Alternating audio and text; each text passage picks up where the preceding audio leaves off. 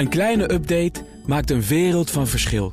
Daarom biedt IKEA voor Business Netwerk gratis snelle interieurtips en ideeën. Word gratis lid en laat je werkplek voor je werken. IKEA, een wereld aan ideeën. Baanbrekende businessmodellen wordt mede mogelijk gemaakt door Salesforce. Verenig je rond je klant met Salesforce. Blijf scherp. BNR Nieuwsradio. Baanbrekende businessmodellen.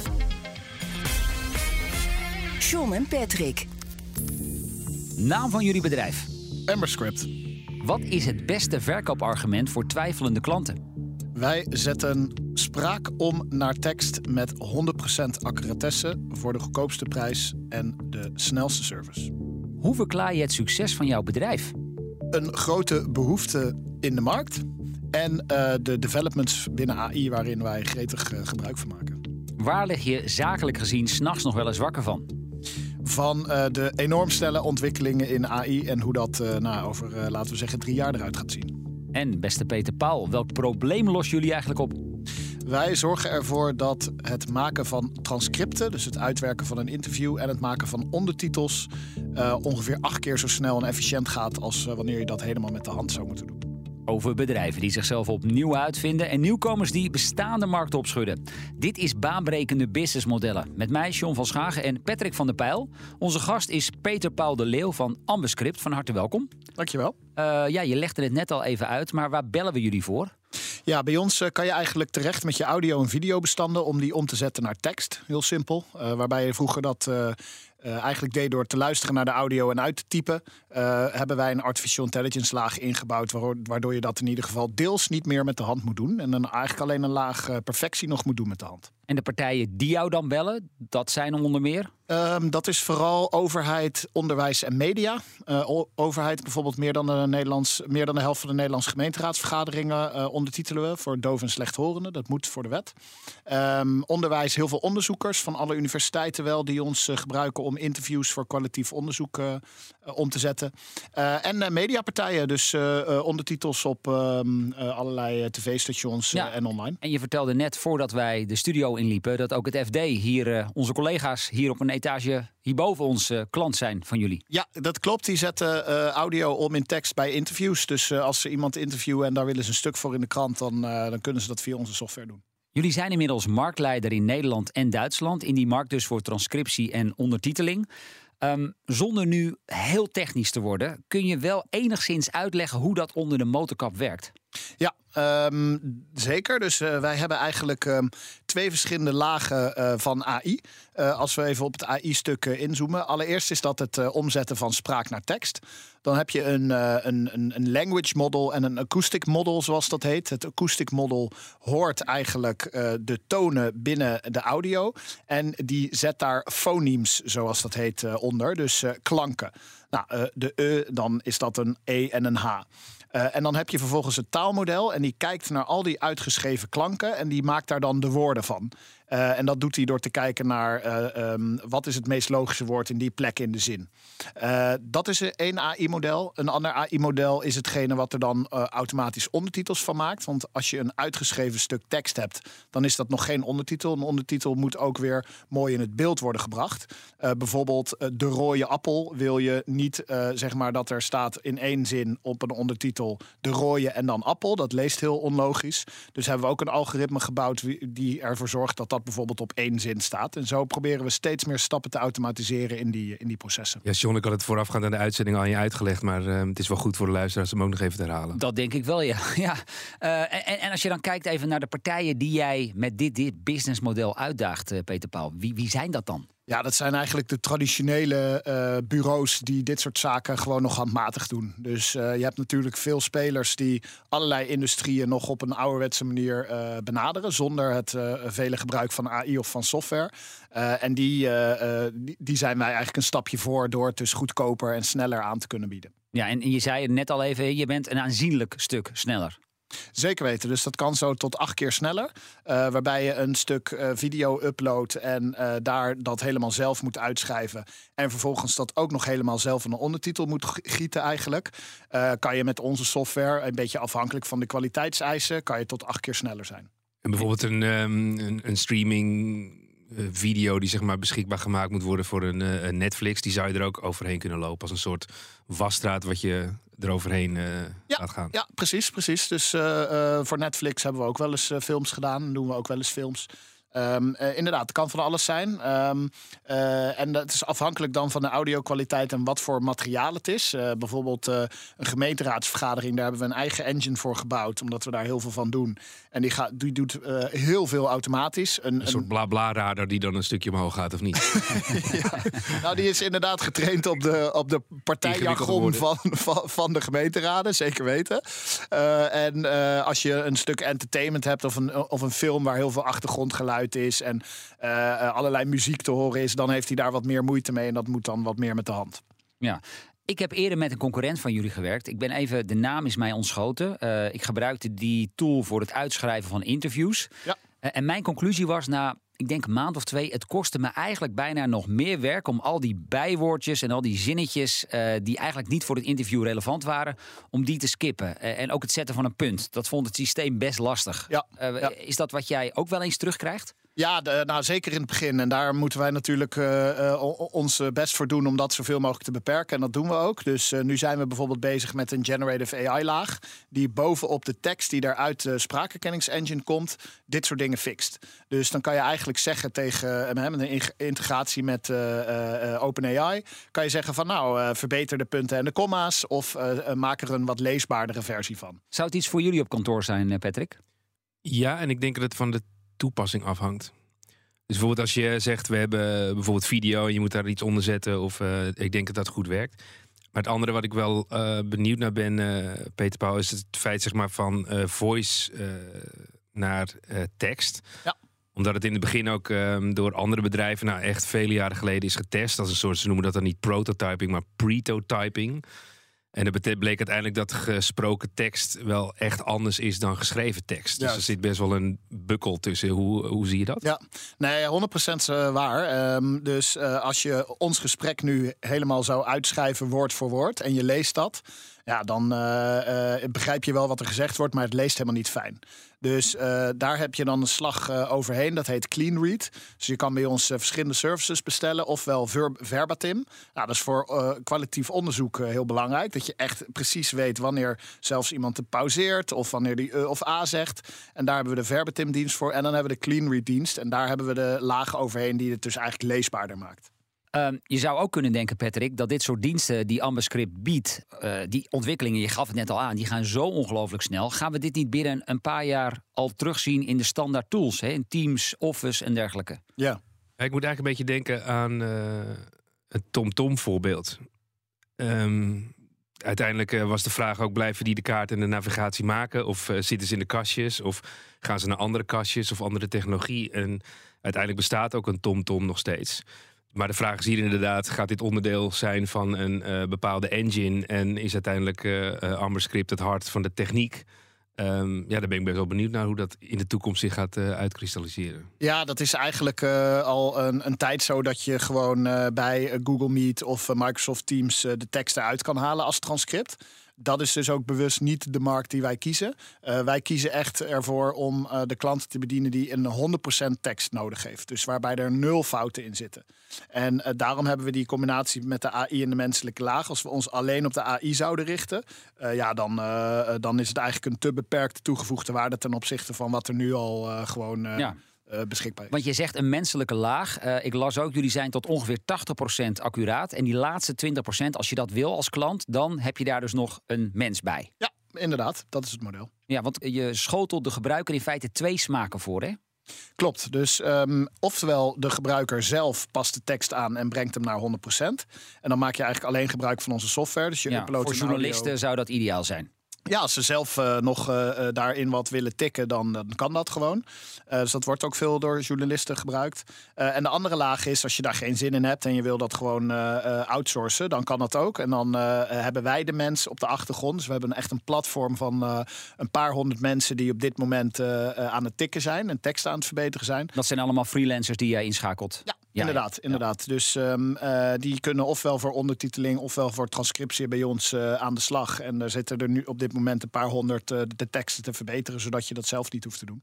En dan zijn er dus nog bureaus in Nederland, Patrick, die dit allemaal nog handmatig doen. Ja, zitten we hier naar een soort sterfhuisconstructie van hen te kijken? Nou, ik merk wel dat deze vragen de laatste tijd heel vaak voorbij komen. Ik denk dat afgelopen jaar hebben wij eh, heel veel groeistrategieën uitgewerkt. Maar er was altijd wel eh, AI-onderdeel daarvan. En ehm, Wat was dan de grote vraag? nou, uiteindelijk, eh, eerst was het de vraag of AI een rol gaat spelen. En nu is het veel meer de vraag eh, hoe het een rol gaat spelen. En ik was twee weken geleden bij het Pieter Drucker Forum in Wenen. En dat is een congres. Pieter Drucker was een hele vooraanstaande managementdenker. En er komen alle managementgoeroes eh, bij elkaar. Ik was op uitnodigingen, dus ik was niet de goeroe, maar zaten andere mensen. Dat snap je. Goed dat je het er even bij zegt. Ja, en ehm, uiteindelijk wordt daar ook gesproken over generative organizations. En dat vond ik wel fascinerend. Want dan zeg je eigenlijk dat het niet meer of is, maar dat het onderdeel is. Maar wel de vraag hoe je dat een plek gaat geven. En dan hoor ik ook wel bij eh, bedrijven dat ze zeggen... hé, maar als nou eh, John van Schagen hier bij BNR overbodig is... want dat werk kunnen we allemaal doen... Nee, dat betekent dus dat je als bedrijf een strategie moet neerzetten van hé, hey, we kunnen eigenlijk met eh, John veel meer doen en productiever zijn. Dus dan moet je een visie op ontwikkelen. Dus je moet duidelijk maken eh, wat die techniek is, ehm, wat zijn dan belangrijke use cases. En maar dat mensen zich ook veilig voelen van hé, hey, we kunnen dit omarmen. Ja, dus jij zegt in feite niet een, een, een karrevracht aan allerlei toeltjes de organisatie infietsen, maar eerst even goed nadenken, wat willen we daarmee? Ja, want uiteindelijk kun je voor jezelf vaststellen wat zijn nou de grootste uitdagingen die we in onze organisatie hebben of problemen waar we met AI eh, veel productiever kunnen zijn. En dat betekent dus als ik bij Sean zoveel werk weg kan nemen, dan kan Sean doen waar hij echt goed in is. Ehm, en dat creëert uiteindelijk dus veel meer waarde. En dat zie je bijvoorbeeld bij gemeentes die jullie tool nu veelvuldig gebruiken. Ja, en dat gaat een heel stuk sneller dan, dat ze, dan de manier waarop ze dat deden. Ja, ja zeker. Dus eh, ik geloof daar ook eh, heilig in. Eh, wij noemen AI ook wel eens assisted intelligence in plaats van artificial intelligence. Het is echt een hulpmiddel voor de mens om uh, sneller te gaan en beter te worden. En niet zozeer een vervanging van. Dus ja. dat is hier een heel mooi voorbeeld bij. Zullen we ook even kijken naar het afrekenen? Want heel veel AI-businessmodellen zijn gebaseerd op subscription. Um, je neemt dan als gebruiker in feite een abonnement af. Hè? Jullie doen het net even anders. Ja, ja bij ons is het ge, uh, wordt er gecharged op uh, verbruik. Dus uh, elke minuut aan audio, video die je uploadt, daar reken je voor af. Hey, en om die drempel zo laag mogelijk te houden, kun je ook gratis instappen. Klopt dat? Ja, dus je kan eigenlijk 10 minuten gratis proberen. Uh, kan je gewoon een 10 minuten audiofile of iets langer. En dan krijg je 10 minuten tekst terug, zeg maar. Uh, om te kijken of het wat is. En uh, als je daarboven gaat, dan, dan begin je met betalen inderdaad. we hebben wel een abonnementsvorm, maar er zit ook een bepaalde limiet aan de aantal uren die je dan kan gebruiken. dat is natuurlijk bij ons ook zo, omdat de kostprijs ook verschilt met het aantal uren dat we, dat we verwerken. En dat is ook de keuze om niet een soort Netflix-model te hanteren. Precies, precies. En uh, overigens is het natuurlijk wel zo dat bijvoorbeeld uh, bij een, uh, een Adyen of bij een Snowflake of bij Google Cloud, dat zijn allemaal meer pay-per-use modellen. Um, dus daar zijn er wel heel veel, heel veel van. Ook bij bijvoorbeeld OpenAI met um, ChatGPT, de app niet, maar met de, met de API wel. Ja. ja, want ik vroeg me dat inderdaad af. Als je kijkt, ook voor onze luisteraars, dat je de afweging als CEO of, of founder of uh, bedenker moet maken in twee verdienmodellen. En um, dan heb je altijd twee modellen, of tenminste in dit geval naast elkaar. Dus je hebt een abonnement en je betalen voor gebruik. Wat je ziet bij betalen voor gebruik is een nadeel, want het is moeilijk om klanten te houden. Terwijl als je een abonnement hebt, heb je een login en dan ga je het abonnement niet zo snel meer opzeggen. Wat jij aangeeft is die driver van die, uh, die kostprijs. Die bepaalt uiteindelijk ook dat marktprijs. En dat is natuurlijk waar Spotify in het begin nat op ging. Want die moesten ook hun royalties afrekenen. En die waren variabel, ofwel afhankelijk van hoe lang het gespeeld werd. En die inschatting hadden zij anders gemaakt. Dus uiteindelijk, naarmate dat mensen langer gingen luisteren, hielden zij hun hart vast. Want uh, uiteindelijk de kostprijzen gingen door de, uh, door de omzet uh, heen. Alleen um, zie je dat nog uiteindelijk gaan veranderen. Nou, dat zou kunnen als de kostprijs uh, uh, daadwerkelijk ook verandert. Uh, dan zou je naar een abonnementsmodel kunnen gaan. Um, maar dat is ook maar de vraag of dat ook fijner is voor de, voor de consument. Want een, een, een, een, abonnement die moet je een beetje op het gemiddelde inschalen natuurlijk. dus als iemand maar één uurtje aan, aan audio heeft per maand, ja, dan is het eigenlijk veel fijner om natuurlijk gewoon op kostprijs of op pay-per-use te zitten. Ja, je zegt kostprijs en kostprijs is voor jullie met name rekenkracht. Ja, uh, als je van de softwaredienst gebruik maakt wel, dan is het echt uh, rekenkracht. En die taalmodellen die zijn best wel heavy. Um, en als je kijkt naar de uh, menselijke laag, dan is het natuurlijk ook daadwerkelijk de mens die nog de freelancer die betaald wordt. BNR Nieuwsradio. Baanbrekende businessmodellen. Met deze keer het verhaal over AmberScript. Zometeen meer, maar nu eerst weer even onze wekelijkse afslag. Je hoort Remy Gilling van AI.nl en van hem willen we weten dat businessmodel van OpenAI. Hoe steekt dat nu eigenlijk in elkaar? Ja, het klinkt als een paradox. Hè? Een bedrijf wat een gratis chatbot ter beschikking stelt. ChatGPT is in de basis gratis te gebruiken voor iedereen. Die tegelijkertijd, nou ja, omgerekend dit jaar, nou, pak een beet 1,3 miljard dollar omzet draait. Een veelvoudiging van wat ze het afgelopen jaren hebben gedaan. En dat komt omdat hun businessmodel tweeledig is. Allereerst verkopen ze abonnementen aan particulieren en bedrijven. Dus als jij gebruik wil maken van geavanceerde AI-modellen, die betere antwoorden kunnen genereren, die afbeeldingen kunnen maken, nou, dan kan de consument daar 20 dollar per maand voor betalen. Als je als bedrijf het wil gebruiken en je wilt dat op een privacyvriendelijke manier doen, zodat je data ook beschermd is, nou, dan betaal je 60 dollar per maand voor het zogeheten enterprise model. Maar de grootste winst voor OpenAI zit hem toch wel in de ja, API-koppeling, de stekkers die zij leveren aan andere softwaremakers. Als die gebruik willen maken van de technologie van OpenAI, om bijvoorbeeld antwoorden te genereren of uh, uh, ja, audiofragmenten te kunnen uitschrijven, dan kan dat, maar dan betaal je elke keer dat je die technologie aanroept, betaal je een paar cent. De voorspelling is wel van eigenlijk alle kenners dat die chattechnologie uh, in vrijwel ieder softwarepakket zal gaan komen. Dus dat je met je administratiepakket kan gaan chatten om te zeggen van nou maak eens een factuurtje voor deze en deze klant voor dit en dit bedrag, zodat je niet door het hele systeem hoeft heen te klikken. Of dat je tegen je presentatiesoftware kan zeggen van hey maak eens een presentatie voor mij over onderwerp X, Y, Z. En die maakt de basis voor de presentatie voor je.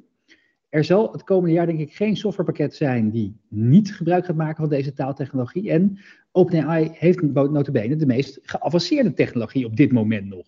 Dus veel mensen zullen gebruik gaan maken van hun API-koppeling. En nou, dat kan zo duur worden als je zelf wil. Als je heel veel tekst laat genereren, kan dat best wel in de papieren lopen. Maar tegelijkertijd hebben ze laatst ook een voorbeeld gegeven van, nou ja, stel je voor je zou alle Harry Potter boeken willen genereren met behulp van die technologie die wij leveren. Nou, dat zou je dan tussen de 15 en 45 dollar kosten. Dus betrekkelijk betaalbaar. Remy Gilling was dat van AI.nl. Wij praten verder met eh, Peter Paul de Leeuw van Ambascript. Hij levert een transcriptie- en ondertitelingoplossing. Nou, zijn bedrijf is marktleider in Nederland en Duitsland, onder meer door twee overnames die het vorig jaar deed. Uitgetypt.nl en aptipa.de. Ik wel humor, hè? Uitgetypt. Ja, dat is een goede naam. En ik heb het idee dat we hier zitten te kijken naar een buy-and-build strategie. Dat zou kunnen, ja. Zegt hij met gevoel voor een statement. Ja.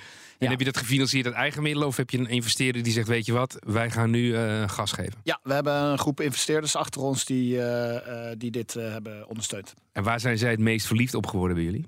Uh, ik denk dat uh, grote uh, ontwikkelingen binnen AI een focus is binnen elke investeerder. Nou ja, de laatste jaren al, al, helemaal natuurlijk. Meer op generative AI ook.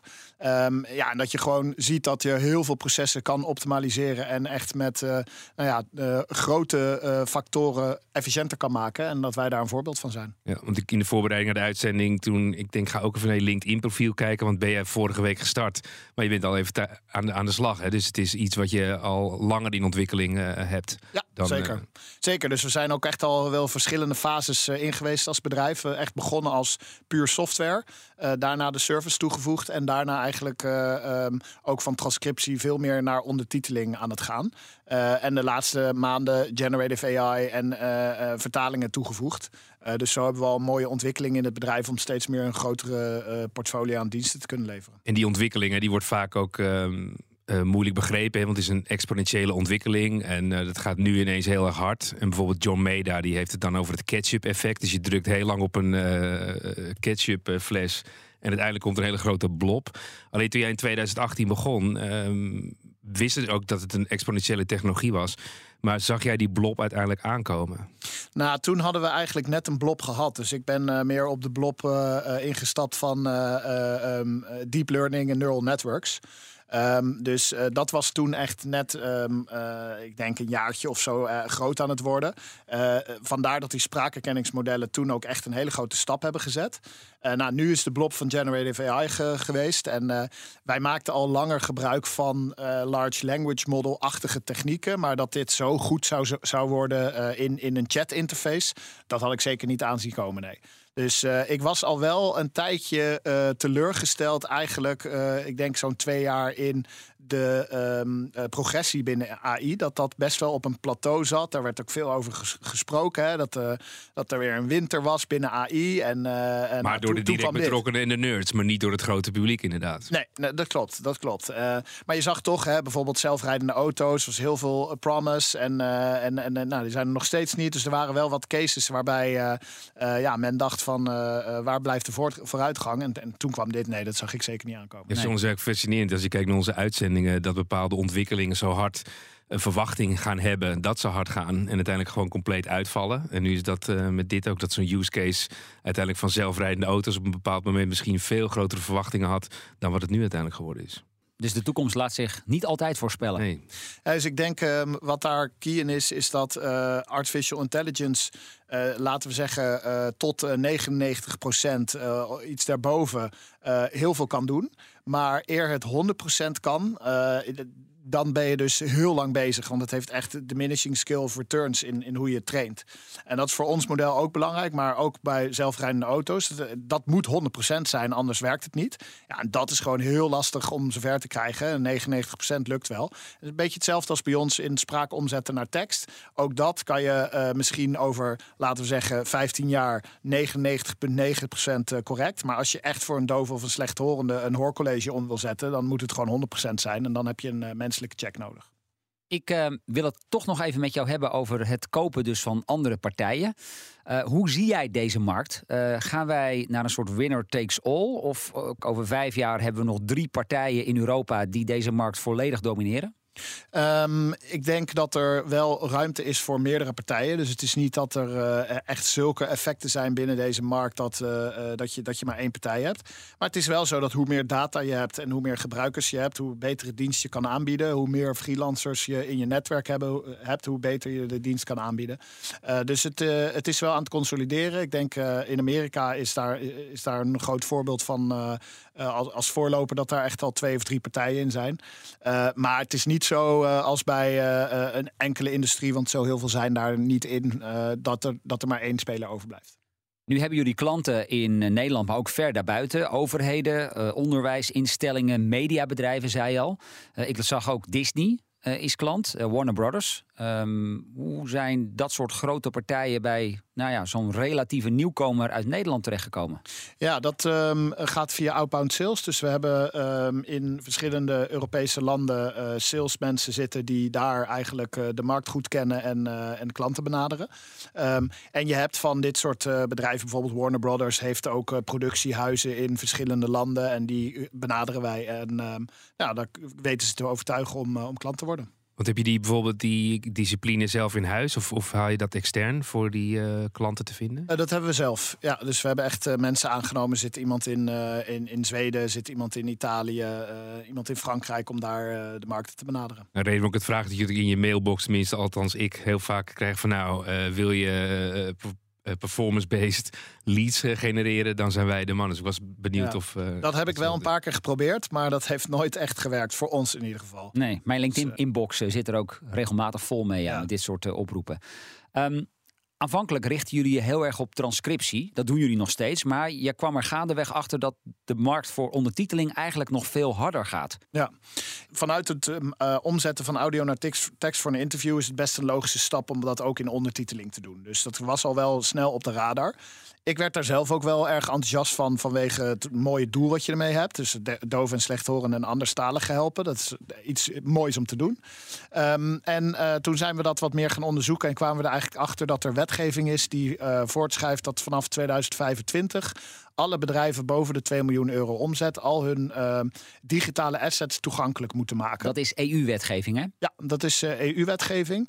Um, nou, en dat gaat natuurlijk enorm veel losmaken in deze markt. En daar zijn veel partijen al een beetje op aan het uh, voorsorteren. Want even per uur, hoeveel nieuwe YouTube-video's? Goeie vraag. Volgens mij is zijn... het een paar honderd uur per, per seconde of het zo is inmiddels. waanzinnig, hè? Ja, ja, ja. Dus dat maakt dit ook een, een enorme groeimarkt. Ja, ja, 100%. Kijk, dat zal niet allemaal met de hand moeten worden ondertiteld. Hè. Dat hebben ze gewoon YouTube-ondertiteling voor. Dat is niet per se onze markt.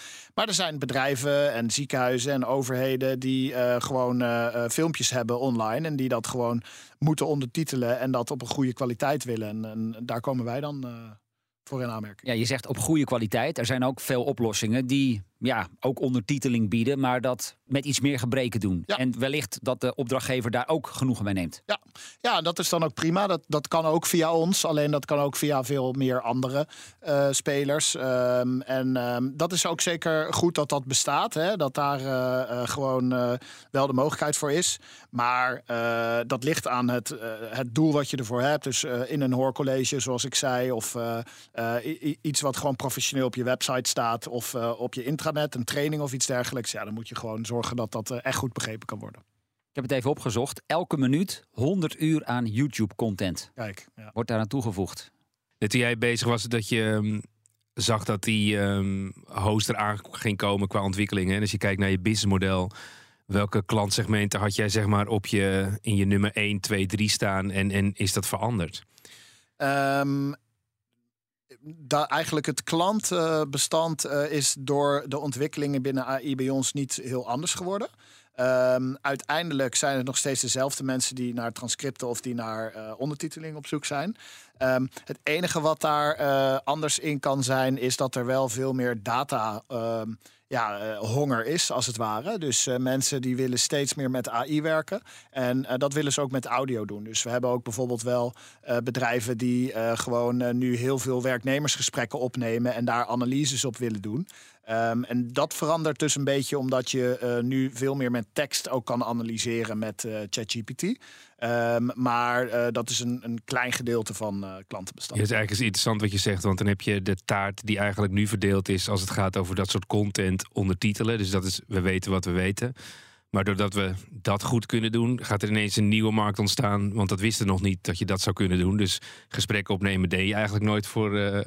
maar dat ga je nu ineens wel doen. Dus misschien een hele nieuwe dienstverleningen, pakketten die eraan gaan komen. Ik denk dat uh, als je kijkt naar de wereld, dat er steeds meer um, uh, data uh, ontgonnen wordt. Hè? en dat techbedrijven zeggen, nou we weten alles van iedereen. Alleen de grootste informatieoverdrager tussen mensen blijft gewoon spreken en met elkaar praten zoals wij nu ook doen. En eigenlijk alles wat wij nu doen, nou, dit toevallig niet, want we slaan het op, maar uh, dit blijft in audio zitten. En als ik jou op de straat iets vraag, dan ver, verdwijnt die informatie. Terwijl bijna alle andere informatie wordt tegenwoordig opgeschreven en geanalyseerd. Dus ik denk dat we naar een toekomst toe gaan waar, als je dat wil, en privacy speelt, natuurlijk een grote rol, maar waarbij je ook uh, praten en, en, en spreektaal, dat dat allemaal wordt opgeslagen en geanalyseerd kan gaan worden. Ja, ik begin er een beetje moeilijk bij te kijken, want je geeft al terecht aan, als je dat wil, willen we naar zo'n toekomst? Uh, ja, dat uh, moet je voor jezelf uh, denk ik beslissen. Maar, ja. maar als die de toekomst... tweede vraag is, kan je dat tegenhouden? Ja. ja. Oké, okay. en als die toekomst er is, dan willen jullie vooraan staan om die oplossingen te bieden? Ja, nou, ik zeg niet dat wij zeg maar een voorvechter zijn van die toekomst. Hè, maar ehm, er zijn klanten die um, ook voor hele mooie redenen dit soort analyses willen draaien. En dan zijn wij daar zeker voor in de markt. Nu jij dat zegt, hè, John, over eh, willen we dat eigenlijk allemaal? Moet ik meteen denken aan die video die toen gemaakt was. Toen mobiele telefonie er nog niet was. Dat iemand Ja. zei, nou, als ik toch elke dag bereikbaar moet zijn. 99. Eh, ja, gek hè? Ja, ja, nou misschien ben ik inderdaad wel zo'n iemand die toen in 99 ook dacht, mobiele telefoon, wat moet je ermee? Nee, maar ik zie wel dat die cycli worden korter. Dat Ja. gaat harder en het blijft nog steeds buiten je voorstellingsvermogen. Dus daarom is het moeilijk om daar echt een oordeel over te geven. Ja. Hey, een van de domeinen die jullie ook aan het onderzoeken zijn, dat is audio description. Ehm, Wat moet ik me daarbij voorstellen? Ja, dat is eh, voor eh, blinden en slechtzienden.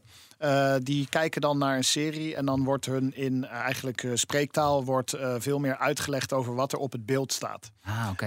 En ook dat is iets waar wij veel energie van krijgen bij Amberscript.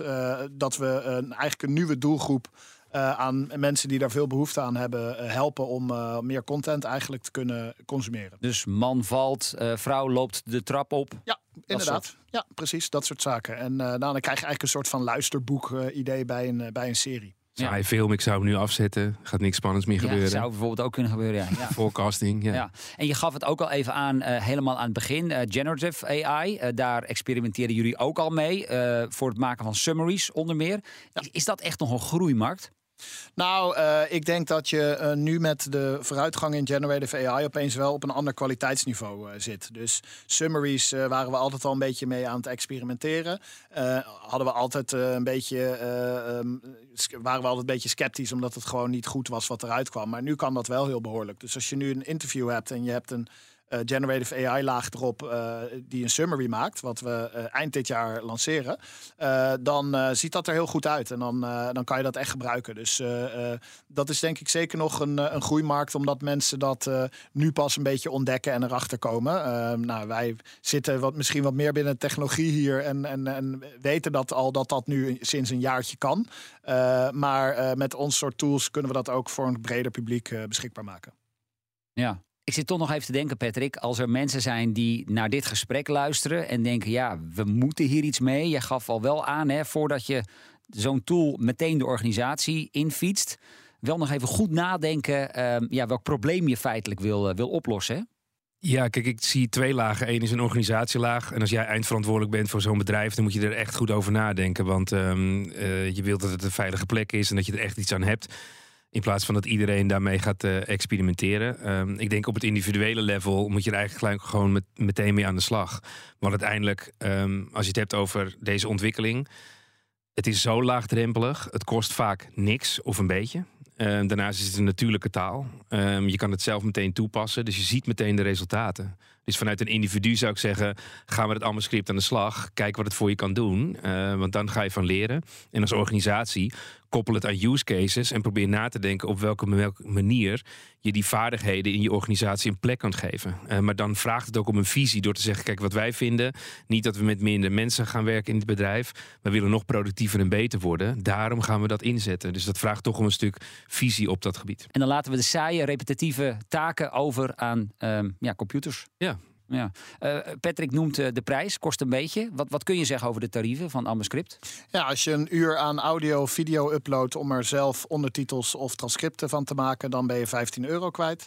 Ehm, als je eh, dat helemaal door ons wil laten doen, dan ligt het een beetje aan het product. Bijvoorbeeld een, het uitwerken van een, transcript kost zo ongeveer 2 euro per minuut en van een ondertitel iets meer. Ja, heb je dat ook nog moeten valideren, die prijs? Want die komt niet zomaar uit de lucht vallen natuurlijk. Ja, eh, nou, de, de- heb je natuurlijk allereerst de kosten eh, eh, die eruit moeten worden gehaald. Dus dan heb je het minimum wat, je, wat je kan vragen. En daarnaast natuurlijk inderdaad wat de mensen bereid zijn om te betalen. Dus dat hebben we goed gevalideerd in het begin. Stel, slotvraag. Jij krijgt morgen eh 5 ton. Nou, laten we er gewoon 5 miljoen van maken. Hoe ga je dat geld besteden? Ja, goede vraag. Eh, ik denk eh, eh, in go-to-market en in product. Dus go-to-market om misschien nog sneller te internationaliseren. Ehm, ehm, en in product door nog beter te kijken naar hoe kunnen we generatieve AI inzetten voor nog meer services. Niet alleen ondertiteling en summaries, maar ook bijvoorbeeld anonymiseren zijn we mee bezig om dat soort dingen te versnellen.